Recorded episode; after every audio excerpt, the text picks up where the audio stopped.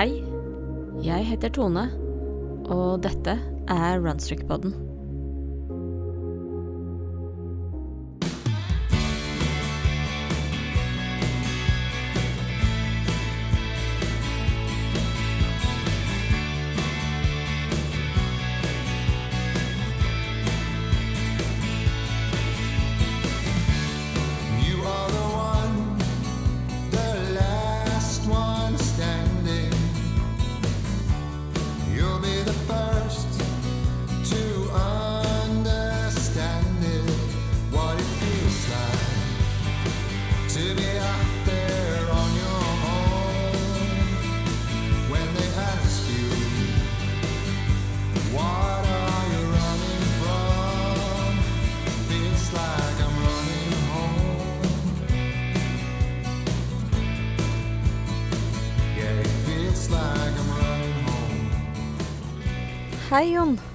Hallo, Tonje.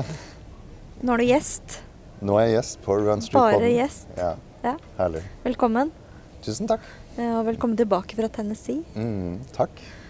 Hvordan eh, går det med runstreaken? Jo, du, runstreaken min lever i godt behold. Akkurat, akkurat i dag eh, så måtte jeg sette på alarmen nå, fordi det her ble en litt sånn tullballdag. Eller det ble litt travelt. Jobba litt overtid. Så jeg har ikke fått tatt runstreaken. Klokka er snart 18. Så da må jeg sette på alarmen på telefonen, sånn at jeg husker å ta den når jeg kommer, hjem etterpå. Ja. Nei, for det, det vil jo være dumt hvis du glemte den. Jeg er alltid litt redd for det når det går ut mot dagen, men jeg liker å leve litt farlig. Ja, ja, Men du, Runstreaken lever i beste velgående, men jeg er ned på grunnfjellet. Jeg har vært mye ned på grunnfjellet, det her har vi sikkert snakka om før. Ja. At jeg har, um, Da snakker vi basic, altså. 1,7 km, og har til og med løpt i jeans og um, jeg skulle til å si vanlig T-skjorte, Mm. men med løpesko. Holde, fordi jeg har vært nødt til å gå ned til helt basic, og det er greit. ja. Mm. Jeg tenker også at det, man må løse det sånn det passer livet. Ja. Men eh, hva gjorde du i Tennessee, da? Tennessee er jo eh, stedet hvor Biggs backyard eh, foregår. Som er det opprinnelige backyard ultraløpet.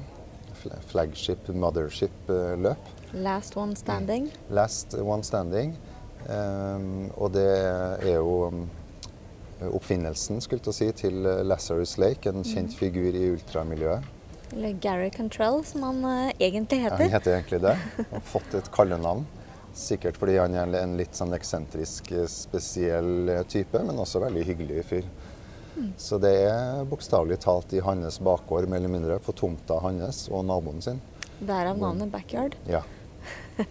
Så eh, det regnes for å være liksom VM i backyard, da, verdensmesterskapet. Og hele verdenseliten eh, var der, og jeg hadde jo kvalifisert meg. For de som da ikke jeg har helt eh, begrepene inne på backyard, så vil det si at han tok 100 miles, delte det på 24 timer, og landet da på i våre, Etter våre mål så er det da 6,7 km som starter hver time. Ja. Og så holder man på til sistemann, eh, til, til én person står igjen. Ja. Det eneste stedet hvor sistemann vinner. Yes. Eh, og farta spiller jo ingen rolle, fordi alle er nødt til å løpe den samme distansen hver time. Nemlig. Enten du løper fort eller sakte, men du starter på nytt igjen hver time. Da. Ja. Eh, så det her belønner jo de løperne som, eh, som er utholdende. utholdende. Eh, Enten du, og mange av de beste løper ganske fort, men eh, mange av de beste løper også ganske eh, moderat, faktisk. Men uh, veien din fram til å faktisk kunne dra til Tennessee, den var jo ikke akkurat smooth riding. Nei, det var jo ikke det. Ehm, jeg- jeg- så det var en veldig lettelse å dra dit og, og, og gjøre et ganske bra løp, da, vil jeg si. Jeg sprang jo i jeg kan jo si det med en gang, jeg sprang i 56 runder, vel. Det blir 375 km. Så det var sånn midt på treet i konkurransen. Men, eh, men for min del så, så har det siste halvåret siden påske vært en utfordring, for jeg fikk jo kjempevondt i hofta. Ja, du fikk jo påvist betennelser og Betennelse, det var masse væske der, og har sånn der impingement som jeg har funnet ut at ganske mange løpere har. Og det er litt sånn godt at jeg ikke var alene. Det er rett og slett en slags eh, påleiring i, i hofta. Ikke artrose, men, men litt sånn utafor hofteskåla så kommer det litt ekstra bein. okay. Som kan gi litt sånn klemme... Brusk, eller? Eh, Ja, en slags brusk Ja. som vokser ut fordi eh, jeg har en sånn lettere hoftedysplasi. Ja. Så da får du en litt sånn påleiring som kan gi litt sånn klemfølelse i hofta da, i utslaget. Det trenger ikke å gjøre vondt, men det kan gjøre vondt spesielt når du overbelaster litt. Så, som vi. Nemlig. Ja. Eh, Så det var det ene og andre, men sannheten er i hvert fall at jeg hadde veldig vondt i hofta. Ødela all løpeglede. Så jeg har vært nødt til å bare kutte ned veldig på løpinga. Trene alternativt. Eh, sykling, ellipse og selvfølgelig styrketrening. da. Syns du at det har hjulpet? Eh, ikke minst med styrketreningen. Jo, det har det. Det, det, det er Jeg er nesten irritert at jeg ikke liksom, selvfølgelig har tenkt mer helhetlig før. Eh, men nå er jeg nå i hvert fall i gang, og, og det kommer jeg til å gjøre resten av livet. i hvert fall så lenge jeg er så aktiv som nå. Synes det har hjulpet. Altså, jeg har blitt, nå er jeg jo egentlig helt bra. Eller jeg er egentlig helt bra. Det er pussig det der hvordan eh, rehab blir prehab Ja. etter hvert. Ja. Altså når man må liksom bare fortsette, fordi at du mm, kjenner jo det at det utgjør en veldig forskjell eh, i løpehverdagen, og kanskje også i livet generelt. At man, man blir jo rett og slett mer fysisk robust. Og er du fysisk robust, så blir du ofte mer mentalt robust også. Ja. De henger litt sånn tett sammen, det der. ja, det gjør det, altså. Og det, det vet man jo. Alle vet jo det, egentlig. Alle vet jo det. Det er jo Mm. altså, beste medisin mot depresjon er ikke nødvendigvis å ta, ta medisiner. Noen må kanskje ha det også, men Mm. eh, det kan ha like stor eh, Forsket på dette. Like stor eh, effekt faktisk å løpe 40 minutter tre ganger i uka. Etter jeg tror det er en tre eller fire uker, så vil du ha like stor effekt som om du hadde tatt eh, sånn SSRI-medisiner. Okay. Eh, noen er du veldig dypt tungt deprimert, og kanskje du trenger det tillegg uansett. Men, men hvis man er der at man er litt nølende til medisin og har liksom lyst til å prøve å gjøre noe selv, så er det bevist at eh, løpetur, løpe, løpegå, du må jo trene deg opp kanskje hvis du ikke har løpt før, eh, at det, det hjelper. Ja, og det samme med ikke bare psykofarmaka, altså Mm. psykiatrimedisin, skulle jeg til si, men også mm, Vi har hørt mange historier om folk som eh, har høyt blodtrykk. Fastlegen vil sette deg på blodtrykkssenkende, Mm. Men så begynner du å trene, slippe å ta medisin. Og med sukkersyke, diabetes også. ikke Mm. sant? Diabetes type 2. Og det gjør jo at eh, når man er i bevegelse, så får jo kroppen celler en annen oppgave. Mm. Hvis du bare sitter stille, så alle kroppens celler vil jo da på en måte Du får en økt inflammasjon. Mm. Lymfesystemet får på en måte ikke pumpet rundt som det er. Altså, Mm. hjertet pumper fem liter blod. Mm. Vi har også 15 liter lymfe i kroppen, Ja. og det pumper ingen rundt. Mm. Det må vi gjøre selv, og det er fysisk aktivitet. Ja. Og der er jo styrketrening helt vesentlig. Og hvis du ikke får hjelp til å pumpe den rundt, så vil den bli stående i kroppen, og da dannes det inf inflammasjon Ja. over tid. Ja. Eh, og, og, og det gjør jo at sånn sett så er jo styrketrening helt fantastisk. Og det er jo bl.a. også det som hjelper eh, bl.a. mot diabetes, fordi at den glukosen som går rundt i blir svømmende rundt da i, i blodsystemet, Ja. det blir jo da tatt opp i større grad av muskulaturen. For jo mer muskulatur du har, jo mer glukose kan du ta opp i muskulaturen Ja, istedenfor ja. at det eh, ligger på innsiden av blodårene dine, eller i ytterste konsekvens lagrer seg som fett på kroppen fordi kroppen rett og slett ikke vet hva det skal gjøre med det. Nettopp. Mm. Så det var dagens medisinske Det, det var virkelig Jeg er imponert. Du er, eller, du er jo sykepleier i bunnen uansett, så Ja da, nei, men, Men, men, eh, men, men det er jo å understreke man mange må jo ta medisin selv om man trener. Da. Men man Ja, kan ja, ja. kanskje ta mindre, eller Ja. det vil ha bedre effekt enn medisiner det også. Sånn at det liksom det, det kan jo være si, at du må ta medisiner, men Ja. treningen vil være en sånn støttekomponent. Nettopp. Eller at eh, man må ta medisiner for i det hele tatt å få hodet over vann. Ja. Og så begynner å trene, så kan man redusere eller kanskje gå av. Altså det er mange sånne mange kombinasjoner her og mange muligheter her, men, men i hvert fall mye av det er jo at hvis du får spist riktig, sover nok Ja. og er i fysisk aktivitet, så er du mer robust enn en ikke. Ja, og søvn eh, kan man jo også gjøre noe med. altså Alt man kan gjøre noe med, iallfall. Så, nei, men konklusjonen er i hvert fall at jeg er dypt takknemlig for å ha klart å komme tilbake, da. Jeg har jo gått til personlig trener, det koster penger, men jeg tenker det er en investering. Så, Ja, men noen ganger så er det nødvendig. ja. Eh, Rett og slett. Og, mange, og det er dyrt å gå til treningssenter også, men eh, Mm. så det er jeg veldig fornøyd med og kommer, kommer til å, å holde på det, så i hvert fall så lenge jeg har lyst til å holde på liksom, med sånn løping på et visst nivå. Da. Ja. Så jeg er jo 47 år også, så da tenker jeg OK, kjør på. Ja, men du var jo en del av verdenseliten i Tennessee, da. Ja, det altså, det er litt å ta inn over seg det òg, liksom. Ja. Ja, du er jo en del av verdenseliten i backyard. Absolutt. Og det var, det var overveldende. Eller det var ikke så overveldende, men, eh, men jeg klarte iallfall å redde ansiktet mitt og, og kom tilbake. Og jeg fant liksom løpeformen. Men det skal sies at jeg har aldri vært så støl etterpå. Så jeg har betalt en pris eh, etterpå, så jeg har vært med på løpet. Jeg har til og med løpt lenger før. Men jeg er fortsatt litt stiv i det andre beinet, ikke det høyre, høyresida hvor jeg har hatt vondt. Men eh, man kan stå på tredemølle og ellipsemaskin så mye man orker når man ikke har fått løpt så mye som jeg gjorde før, så, så betaler man en pris. Ja, nei, for du had- har jo da hatt en akkumulering over lang, lang tid fram til skaden, og så måtte du rett og slett ta tid av, og det var liksom Ja. bare runstreaken som holdt deg i gang Ja. på, på en måte minimum, og så må du liksom gjøre andre ting for å, for å komme tilbake. Eh, absolutt, så jeg har holdt kondisjonen i gang og, og styrketrening. Men styr muskulatur, sånn økt muskelmasse forandrer jo litt kroppsfølelsen også, da. Men, eh, men det gikk jo heldigvis bra. Mm. Men eh, Ja. åssen eh, Hvordan var Tennessee, da? Hvordan Ja. var det å stå på startlinja sammen med alle de andre backyarderne som har eh, gjort seg fortjent til å få lov til å komme til Tennessee og løpe ut den første timen? Ja, vet du hva. Det var så fint. Og jeg, det er jeg også fornøyd med at jeg var egentlig ganske sånn i, i ro, Jeg hadde en slags ro i meg. Jeg var, jeg var ganske sånn trygg i meg selv.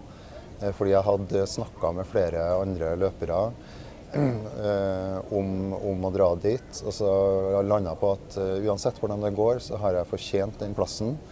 Dette det har vært målet mitt i fire år. Eh, så det var, det var Det føltes ut som at eh, å komme hjem litt grann når jeg kom til Tennessee og til eh, Bell Buckle, som den bitte lille byen heter, i utkanten. En times tid fra Nashville i Tennessee.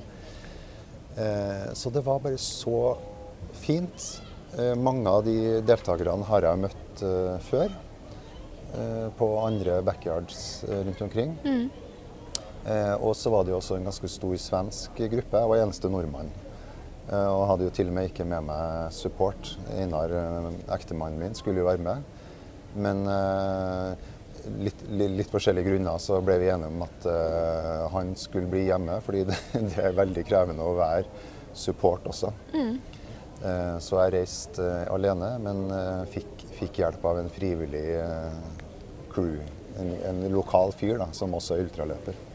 Det, jo, det ser vi jo på andre løp i USA også, når nordmenn kommer over uten crew, at eh, det er, det er tilgjengelighet på frivillig. Jeg skal, ikke- mangler det liksom ikke. Det jo, jeg har jo hørt andre som skal over og, og har ingen, og så er det sånn de omtrent får frie brev, liksom. Altså ja. virkelig liksom du må, du må begynne å gå igjennom søknader Ja. nærmest. Du må få lov til å bli frivillig og, og liksom kan sikkert være litt sånn overveldende, for du skal jo løpe, og det er jo de som skal serve deg, men samtidig så må du liksom gjøre, gjøre en eh, Ikke research nødvendigvis, men eh, på en måte eh, se litt på hvem vil du ha og hvorfor. Ja, ja, nå fikk jeg tildelt en, men der var kjemien eh, kjempebra. Så, men ja, heldigvis, det, det redda meg. Og jeg trengte virkelig han. Han het Brian Shrinkle.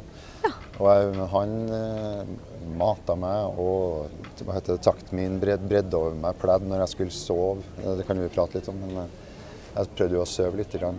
Så det, nei, det er veldig populært, fordi det er veldig begrensa hvor mange som får slippe inn i området. Det er kun én crew per, per deltaker. Men Betyr det at hvis man kan på en måte ha et team med crewmedlemmer, da, og så kan, man, kan de skifte på å være der? Det, det var lov. Ja. Men da måtte den ene, iallfall i starten, da, måtte den ene, altså du kunne ikke være der samtidig. Nei, nei, bare det, men liksom hvis du tar tolv timers skift, eller Mm. Ja. liksom Så du kunne hatt en tre-fire stykker som byttet på og tok noen timer hver, og så fikk de litt søvn, og så Det er visst lov, så Ja. det går an, det. altså.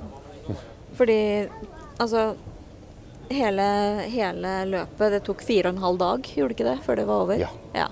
Eh, Jeg ga meg etter to og en halv dag, Ja. men eh, de som holdt på helt til slutt, de holdt på faktisk da i drøyt fire dager. Ja. Fire døgn. Ja, det er jo, det er jo da, Nå begynner vi liksom å nærme oss seksdagers, liksom. Altså, det er jo disse seks- seksdagersløpene hvor man eh, Der går man riktignok og legger seg, og man kan liksom disponere døgnet, Ja. og man kan gjøre en helt annen ting, men dere må jo være tilbake til start hver time. Ja. Og, og så har dere en liten pause, litt avhengig av når dere kommer inn. Ja, så det er jo det de diskuterer. Hvor langt kan det gå? Fordi Det vil jo aldri bli en offisiell konkurranse. fordi det er jo, blir jo også en konkurranse i søvnløshet, eller iallfall i begrensa søvn. Som kanskje ikke vil være helt sånn forsvarlig hvis du skal arrangere det som en OL-gren. Nei, altså du kan si det sånn at det finnes faktisk en verdens, Guinness verdensrekord i å holde seg våken. Yes. Den er eh, ti døgn, Ja. men den er fredet. Ja. Fordi at det anses for å være helseskadelig å være Ja. våken i mer enn disse ti døgnene.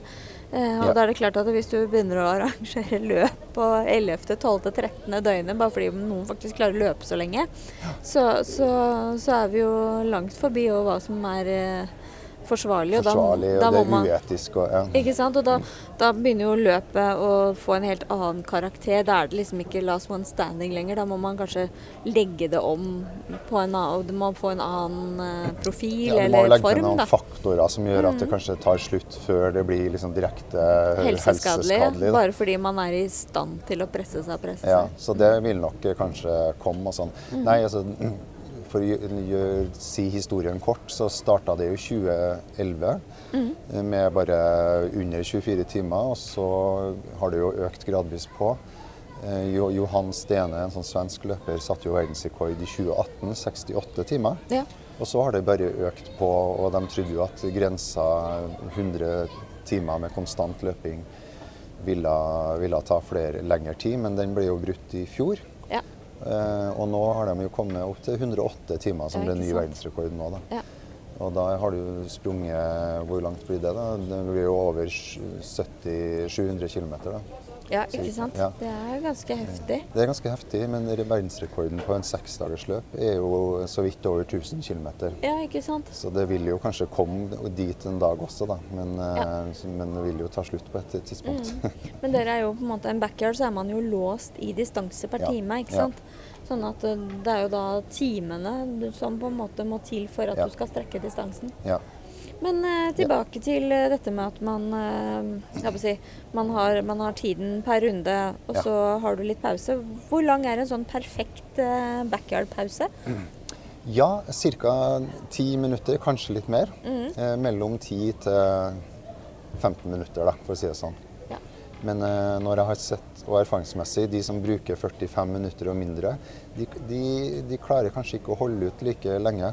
Um, de er det fordi de løper for fort, eller stivner de i pausen? ja, det vet jeg ikke helt. Kanskje de er litt, litt for utålmodige, eller de løper litt for fort, rett og slett. Ja, nemlig. Eh, Men eh, mange av de som varte lengst, de hadde sånn ti minutter. Og så er det jo en nattrunde her i Tennessee. Ja. Så du har en litt krevende markarunde, for å kalle det sånn. Skogsrunde med ganske mye høydemeter om dagen. Mm. Da rekker du kanskje ikke mer enn maks ti minutter pause. På natta så var det en ganske mye lettere rute, eh, runde ut på veien. Nemlig. Så da kunne du få en 13-14 minutter. Jeg klarte å få såpass mye også, selv om jeg er ikke noen spesielt hurtig løper. Så da hadde du en ganske lang pause til å få i deg litt mat og få en åtte, kanskje ti minutters søvn. Mm. Og det hjelper veldig. Er det sånn at Nå løper du jo veldig veldig mange runder, men er det sånn at du kommer til et punkt For jeg ser, så, vi satt og fulgte med, Ja. og, så, og så plutselig så hadde du ja. ikke sant? Og så plutselig så hadde du løpt en runde fortere igjen. Er det sånn at du tenker at du på en måte planlegger å løpe noe litt fortere for Ja. f.eks. å få lengre tid til å spise eller gå på do eller den type ting? Eller? Absolutt. Ja. Spesielt på natta der, eller Ja. kvelds 13 timer i mørket. Eh, så da la jeg inn støtet. Jeg bare søren heller, eh, nå skal jeg liksom spise litt tomatsuppe. Eh, legge meg tilbake og sove i åtte minutter. Mm, Så da gutsa jeg skikkelig for å få en lang pause. Ja. Mens på dagen når det var på det varmeste, så skjønte du at ok, det her er ikke noe vits i å, å prøve. Her må man bare følge litt rytmen. Litt rytmen, og den kø, Det var jo litt sånn kø, du kunne løpe i kø også, så du klarte liksom ikke å springe så veldig mye fortere. Ja, det, det er jo rett og slett litt slitsomt, for da, da må du jo på en måte dele energi med alle andre. Du må dele alle andres tempo. Du må liksom være i klynge hele tiden. Og det, det er jo liksom en vanskelig måte å løpe på. Ah, ja, det var veldig slitsomt. Fordi eh, det var jo en markaløype, så jeg liker å springe i terrenget. Men mange syns den var ganske teknisk. da. It's very technical. very technical. Fordi det var litt røtter og litt steiner. Men, men jeg liker liksom å bare ta fart og, og, og løper ganske lett over de steinene. Ja. Men mange stoppa litt opp, da. Så det er sånn Åh, gud, det her tar for lang tid, ikke sant. Men, men eh, sånn var det der, på en måte. Det var en del av eh, det spillet i det Ja. løpet. Ja. Men da er det jo, er det jo fullt mulig å ja, la de andre ha sitt spill, og så løper man sitt eget løp. Ja, eller her var jo litt prisgitt, for du havna Ja. gjerne i en sånn kø. Ja. Eh, hvor du sprang kanskje åtte-ti stykker sammen. Og selv om du sprang forbi én, så var det alltid en foran der, og så stoppa han eller hun opp. Ja. Men det var jo, det var jo noen damer, det skal sies. Mm. Det, var jo, det har jo kommet kritikk om at det er veldig mann, mannfolktomt. Ja. Fordi backyard er jo liksom, skal liksom være en mer sånn kjønnsnøytral eh, Det er ikke noe kjønnsklasse. Nei. Eh, Så det er tre damer som hadde kvalifisert seg. da. Den Mm. lengste kom vel eh, så vidt eh, over 60 timer. Nemlig. Men det er damer som har vunnet backyard-løp. Mange. Ja, men Så- Courtney DeWalter ble vel nummer to på Biggs. Ja, hun har eh, vært, vært med og satt verdensrekord Mm. to ganger, men hun var vel da nummer to, da. Men eh, det er jo på en måte, nummer to er jo veldig nært nummer én. Ja, ja, det er bare en runde forskjell, så Og ei som heter Maggie Gutterall, vant jo i 2019 også. ja. Så det er fullt mulig. ja. Um, jeg har tenkt på at um, um, Og der falt jeg ut, altså. Ja. Sånn er det. Ja, jeg kan skravle om backyard hele dagen. Så, Så. ja, det er bare å fortsette, da. Ja. Ja. Eh, nei, hva skulle jeg si? um, nei, den pausene var Det var på en måte det som tok knekken på meg til slutt. da. Ja. Fordi på dag tre så det, eh, det her var jo bare to uker siden i dag, men det var jo høst i eh, er oktober og høst i Tennessee, men veldig varmt. Det var litt varmere enn vanlig. Så det var sånn skikkelig 25, over 25 grader på dagen. Og på dag tre så var det veldig varmt, helt vindstille. Ja. Ehm, og eh, det ble så vanskelig å få gjort den runden eh, spesielt kjapt, så jeg hadde bare tre minutter pause. Ja, Så for det det, så vi jo på slutten, at det, var liksom, det var litt sånn med nød og neppe på vei inn og Yes. Ja. Mm. Jeg var ikke veldig stressa, skjønner du, for jeg tenkte OK, nå er det på det varmeste. Mm. Om noen timer så går sola ned. Da blir det straks mye lettere. Da skal vi ut på veien. Ja. Så jeg var egentlig ikke så stressa, men så kom det to eller tre runder hvor jeg fikk bare tre minutter pause, og det var så varmt. Mm. Eh, og når vi da var ute i skogen og drev og klatra opp og ned, så, så kjente jeg at jeg var så andpusten og tungpusten. Ja. Og så bare gikk lufta ut av meg. Så det er litt sånn surt å tenke på, men, eh, men jeg var vel kanskje også litt fornøyd, da. Altså, det var jo en seier at du kunne stille til start. Ja. Det at du faktisk fikk trent deg opp, si, fått skaden til å hele og bruke tiden godt og få trent deg opp og kunne faktisk reise og stille til start, tenker Yes. jeg at det er en, vin, vin, en seier i seg. da. Sånn at det at du faktisk holdt ut og, og på en måte kunne delta reelt i løpet i så mange timer, er jo absolutt en eh, prisverdig innsats, altså. Ja, når, og når vi kom til 48-timersmerket, da, sånn to, to fulle døgn, og jeg. Fortsatt var i gang, følte meg bra, så tenkte jeg OK, yes, I'm back. Mm. Men, Men du sier at jeg hadde en dagløype og en nattløype. Var Mm. Ja. det stor forskjell på de to løypene? Sånn eh, ja, tenker både høydemessig, terrengmessig, var det asfalt? Altså. Veldig. Altså En backyard ultra kan jo foregå på alle slags underlag. Mm. På en måte Her har de jo delt det i to, en dagløype og en nattløype. Mm. Og som sagt da, så er jo den dagløypa i terrenget, på Mm. sti, ganske smal sti, med 170 høydemeter, tror jeg det er ganske mye til å være en, en, bare en 6,7 km runde. da. Mm, til sammenligning, Østmarka hadde jo en backyard hvor eh, Den var, jeg tror den var bitte litt under 160 eller noe sånt. Og din da, på Ekeberg? er- Ja, den Eke, eh, Ekeberg Backyard Ultra er sånn ca. 100-110, ja. som jeg syns er perfekt. Ja, ikke sant. Ja. Du får liksom litt variasjon, litt motbakke, men, men ikke så mye at du liksom stivner etter en stund. Nei, eller blir altfor sliten Mhm. på en måte. Det er sånn litt naturlig veksling mellom å gå i en oppoverbakke, Ja. og så får du litt unnabakke. Og så kan du gå litt igjen og drikke litt vann og kanskje Mhm. spise litt mat. Eh, men 170 begynner å bli veldig mye opp og ned, da. Um, så det, den er ganske krevende, altså. Ja. Den nattrunden eh, var jo ut på asfaltert vei med litt bakke der også, men jeg tenker kanskje bare sånn 50 høydemeter. Ja, nemlig. Mm. Ja. Eh, Var det fordi at de ikke ville at dere skulle løpe med hodelykter i skogen og sånn, eller var det Ja, altså jeg har hørt angivelig pga. slanger i skogen, okay. men uh, det tror ikke jeg stemmer. Selv om det var sånn eh, coyotes der, hva heter det for noe? Præriehund? Eller, Ja, ja. Hvilehunder. Mm. Som, som du hørte ula om natta der. Ja. Men, men de er jo sikkert ikke noe truende for mennesker. Eh, nei, jeg tror tanken er at det skal liksom appellere til eh, ulike løpere. da. Ja. Noen har jo en veldig terrengbakgrunn, Ja. mens andre mm, er jo mer sånn baneløpere. Ja. Så, så det gir jo en litt interessant dynamikk. Det blir liksom en ekstra faktor i, eh, i utholdenhetsspillet. da. Mm. Så jeg tror det var det som, jeg tror det er det som er tanken. Så det var egentlig litt kult. Jeg var litt sånn skeptisk. Jeg har aldri vært med på en backyard med dagløype og nattløype, men jeg syns det var litt tøft. Mm. Og for alle som hører på nå, og syns det er mye støy i bakgrunnen, så kommer det at vi sitter i barneavdelingen på Deichman, for det var eneste sted det var plass. Så dere får bare bære med oss hvis det begynner å synge i bakgrunnen her også. Det er bare hyggelig. Ja, Ja. Det, det er så koselig å være tilbake her på Dirkmas. Ja. Men hvordan mm. ernæring da under og spising under eh, Yes. løpet? Hvordan gikk det med appetitten og magen og Yes. Det gikk litt til helvete, men, men så henta vi oss inn. Så bra. Eh, Så bra, ja. ja nei, jeg kjøpte inn masse forskjellig mat. Og jeg er jo litt sånn, ikke så veldig sånn gels-type. Jeg er litt mer sånn vanlig mat-type. Det du kan tygge. Det jeg kan tygge, og liksom som gir litt smak og litt eh, konsistens. Eh, Så iallfall på dagtid så liker jeg å spise det som jeg egentlig spiser til vanlig. Sånn, litt sånn yoghurt, granola, eh, noe brødskiv, epler. Eh, litt suppe, bønnestuing og potetgull. Ikke så mye godteri og sånn. Og så har jeg gjerne tailwind på natta, Ja. når magen trenger litt ro. Ja, ikke sant. Ja, nei, den vil jo helst uh, rydde opp, den, når det er på nattestid.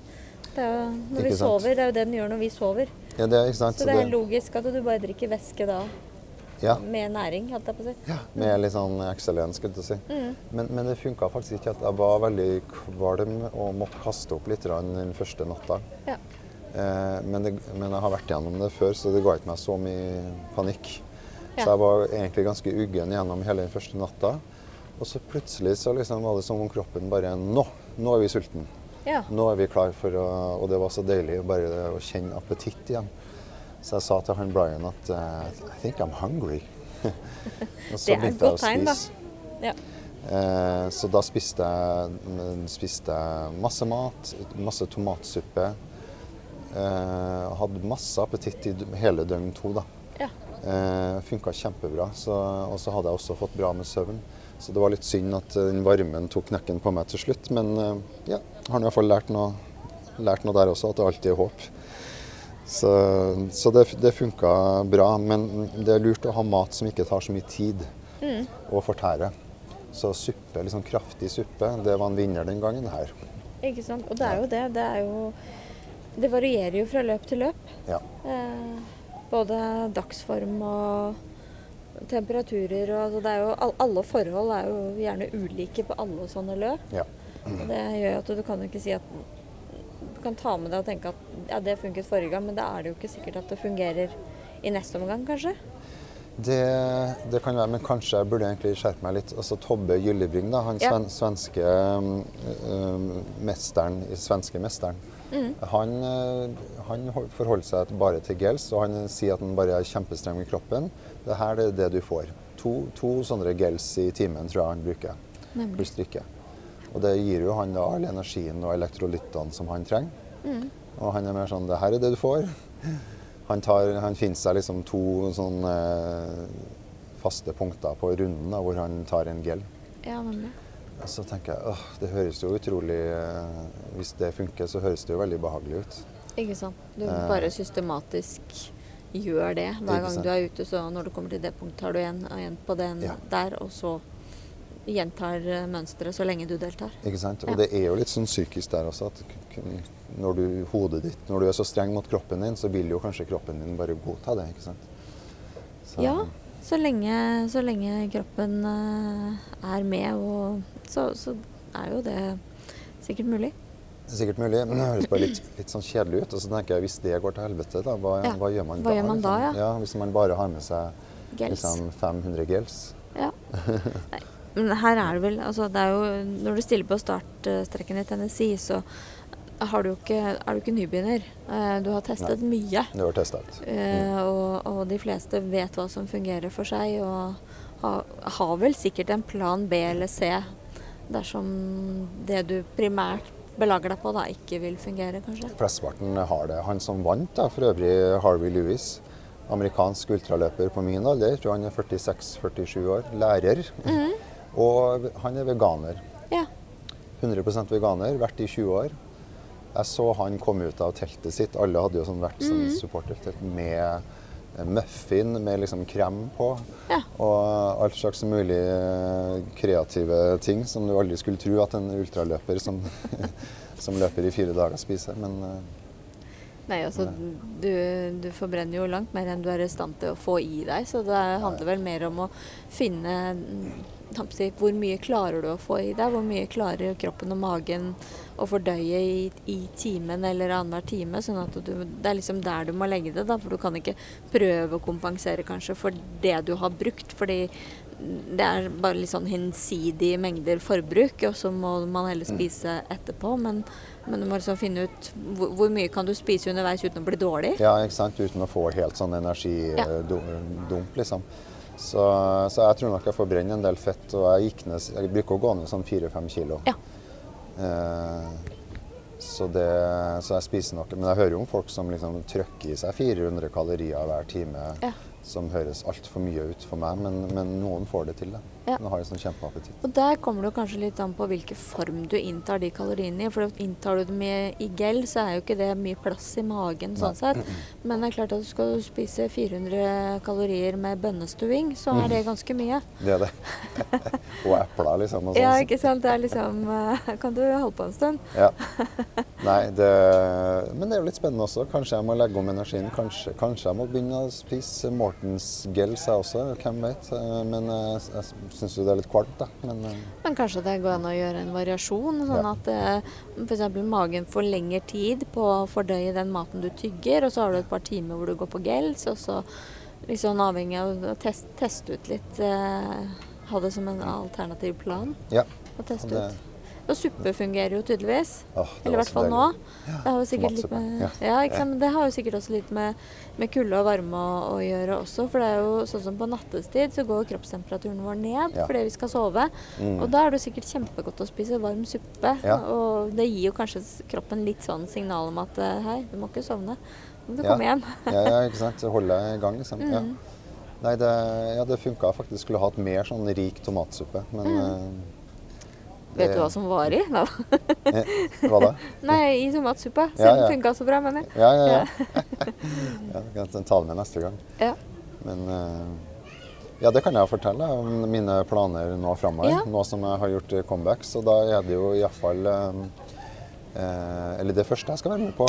Ja. Vet du hva det er for noe? Nei, hva Nei. er det første du skal ha Det, det er det korteste løpet som jeg er med på i, i livet mitt, som jeg bruker å være med på fast. Og det er det hodelyktløpet Ja. i Østmarka. Ja. Det er jo en sånn eh, runde på 12 km. Full fart. Ja. Så det er så vidt jeg klarer å henge med midt i feltet, hvis jeg er heldig. ja. Eh, Og mange, flesteparten er veldig mye yngre enn meg. Jeg er 20 år yngre. Mm. Men eh, det er en runde oppe i Østmarka som jeg liker. Den er nå om to uker. Ja. Men så blir det en ny backyard masters da, i Tyskland, som er på en måte eh, europeisk mesterskap. ja. I- EM i, back, i Ja, et slags ultra, EM i backyard. backyard mm. Hvor du på en måte blir invitert uh, hvis du har resultat. Så, og da er målet iallfall å komme over tre døgn. Jeg må liksom forsterke litt. Knekke den koden. Ja. Eller jeg skal over tre døgn da. Mm. Og så har jeg faktisk lyst til å prøve meg på et seksdagers eh, løp, da. Ja. Som er som, som er mm, ikke en backyard, ikke sant? men Mm. eh, det er jo mer som en offisiell distanse. Det er vel egentlig den lengste offisielle distansen til Friidrettsforbundet, tror jeg. Ja, det, Har du tenkt å prøve deg på det i Sverige, eller har du, har du Ja, tenkt hvor du vil? mm, Det er jo ikke så mange løp i Nei. året, men Sverige i Viadal arrangerer jo et eh, seksdagers. det For de også 24 begynte jo, var det i fjor eller forfjor hvor de holdt, hadde jeg tror de holdt på i tre år, jeg. Ja, Ja. det kan stemme. Mm. Eh, og noen nordmenn har jo deltatt. Øyunn em, Bygstad Bygstad, eh, satte jo norgesrekord i fjor. Eller i år ble det. Ja. 2022. Så, 23. 23, 23. Så jeg tenkte å prøve meg på det iallfall. da. Ja. Og så får vi se videre. Men jeg, jeg har egentlig ikke så sterkt behov for å være med på Bigs igjen. Jeg føler Nå var jeg der. Nå har du gjort det. Fikk gjort det. Check. Check. Ja. Mm, veldig fornøyd. Ja, så bra. Men eh, hva, det, hva, hva sitter du igjen med? Hva er liksom Har du noen sånne høydepunkt, liksom, eller sånne ting som popper opp som eh, litt sånne store opplevelser, eller litt sånne morsomme ting i løpet av eh, backyarden i Tennessee? Ja, vet du hva. Det var, for meg var det veldig godt å være tilbake i Amerika. Mm. Jeg har jo bodd i Amerika, eller, så, så det, og så har jeg ikke vært der på mange år, eller noen år nå. Nei. Så det var veldig hyggelig. Amerika det, Hvor i USA bodde du? Nei, jeg har bodd i litt forskjellige runder, men jeg var sammen med familien i Madison Ja. når jeg var bare guttunge Ja, i. Wisconsin. Ja. Og så var jeg på utveksling i Michigan, Detroit, Michigan. Og så har jeg studert et semester i, i San Francisco, California. Å, så gøy. Ja da. Så jeg er glad i Amerika, så, så, men så er jo Amerika så mangt, ikke sant. Ja. Men eh, det var veldig fint å være tilbake. Eh, og så var det jo liksom stort å komme dit, hils på Lazarus Lake, eh, som er liksom en slags levende legende. Ja. Ikke så god helse. Han går jo med en eh, sigarett i munnen hele tida. Så, så jeg tenkte det er jo er sikkert det er så mange år til eh, at han vil være en sånn løpsarrangør av den typen han er nå, da.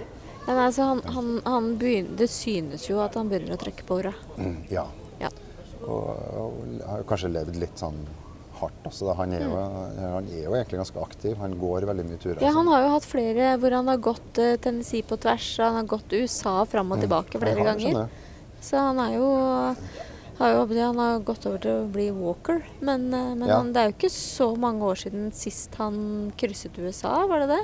Ja, han, han driver og legger ut sånn at han Ja. krysser og, og går sånn kjempelange turer. Så, så så dårlig helse kan han ha, men han går nå i hvert fall med en sigarett. Pluss at han var jo våken veldig mye. Han var jo våken hele tida også. Han gikk vel og la seg innimellom, men Ja. så det er klart uh, Han sto jo og snøvla nesten uh, innimellom og så liksom helt fjern ut. Men det, det var vi vel alle, da. Så, Det er, jo, det, det er jo krevende å være oppe ett døgn. Det er jo krevende å være oppe, oppe flere døgn. Og når du på en måte skal kanskje holde orden på løpere og arrangører og, og liksom følge med på alt som er, da, så Ja, ja. er jo det krevende. Ja. Mm. Nei, og så og så er note to self da, at jeg må, jeg må bli litt flinkere til den eh, hva heter det for noe, rekonaliseringsperioden etterpå. Restitusjonen? Restitusjon. Restitusjon, altså. Jeg la jo opp til litt sånn sightseeing i Tennessee etterpå. Ja. Og stilt med, eh, med, fullt av mot, så skulle jeg liksom eh, gå rundt i Nashville og eh, se countrykonserter. Og Ja. jeg gjorde det på en måte, men herregud, jeg var jo helt utkjørt. Ja. Så det Man må, i hvert fall i, i min alder, forstå det at man må ha god tid på eh, restitusjon etterpå. Så du gjør ikke sånn som Isabel, altså, som løper et maraton, og så tar hun en topp etter maratonet, og så dagen etter så tar hun et par ekstra fjellturer. Nei, ja, jeg vet uh, Isabel som har 100 fullført 100 maraton. Ja. Uh, nei, der, jeg vet ikke hvor hun får energien sin fra, men hun er jo også kanskje ti år yngre enn meg. Ja, hun skulle- var jo 100 maraton før 40, og hun blir Ja. 40 i januar, da, så Ikke sant? Så hun er du har syv år på henne, og jeg har ti år, Ja. så da Ja. Men, det vil eh, komme en endring.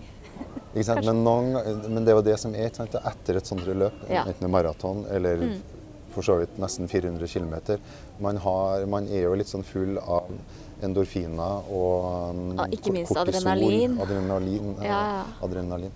Eh, Så man har jo trua på Man har jo bare lyst til å ut og gå en lang tur, Ja, men, ja. Men, men prisen er bare, Det bare gå ut i solvarmen i Mm. Nashville var jo Jeg burde bare ligget ned og fått pleie, for å si det sånn. Mm. Ja, og det er jo, det er jo forskjell å løpe fire, på å løpe fire, maraton på rundt fire timer og å løpe i to og et halvt døgn Det det. sammenhengende. Det er jo en helt annen, et helt annet energiforbruk, helt Eh, klart. Ja, det er jo det. Så, så ja. Men, eh, nei, men eh, så spennende å høre. Ja, det var morsomt å prate om det. Ja. Så vi får bare kanskje si det da, hvis folk nå begynner å lure. Du har fortsatt pause. Jeg har første pause fra Runstreak-podden, eh, så jeg er veldig glad for at du har fortsatt og har gjester. Jeg er jo fast lytter. Men Det er det er også noen ganger i livet så må man prioritere annerledes. Og Ja. nå er jeg så takknemlig for å ha funnet tilbake til formen min. Og har lyst til å fokusere litt på det Ja. eh, nå. Og, og det er jeg veldig fornøyd med. Pluss at jeg også har forandra litt jobbsituasjon og sånn. Så det, mm, Og det har vi alle full forståelse for. ja. Men uh, tusen takk for at du tok deg tid til å droppe innom i Runstreak-podden. ja. Tusen takk. Det var utrolig hyggelig å være her og være tilbake her på Deichmansk. Ja. Jeg dukker opp igjen vet du. Ja ja. Nei, Mm. men eh, litt sånn gjestevisitt her og til og fra, Ja, det er jo bare hyggelig. Ja. Ja, men da takker vi for eh, at folk Da- hører på. Så Og har du noe siste, hvis du har en god dag eller en dårlig dag, så har du alltid Runstreaken. Runstreaken. Mm. Og jeg skal ta den nå etterpå. Takk for oss. Ha det. Ha det.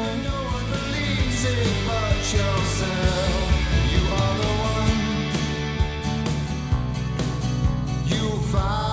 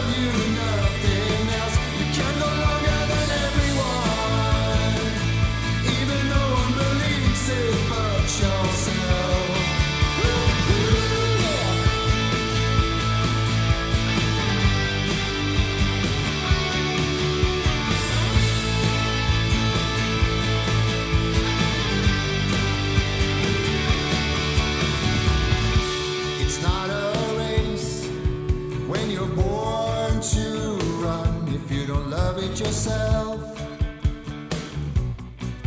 how can anyone understand you when you're out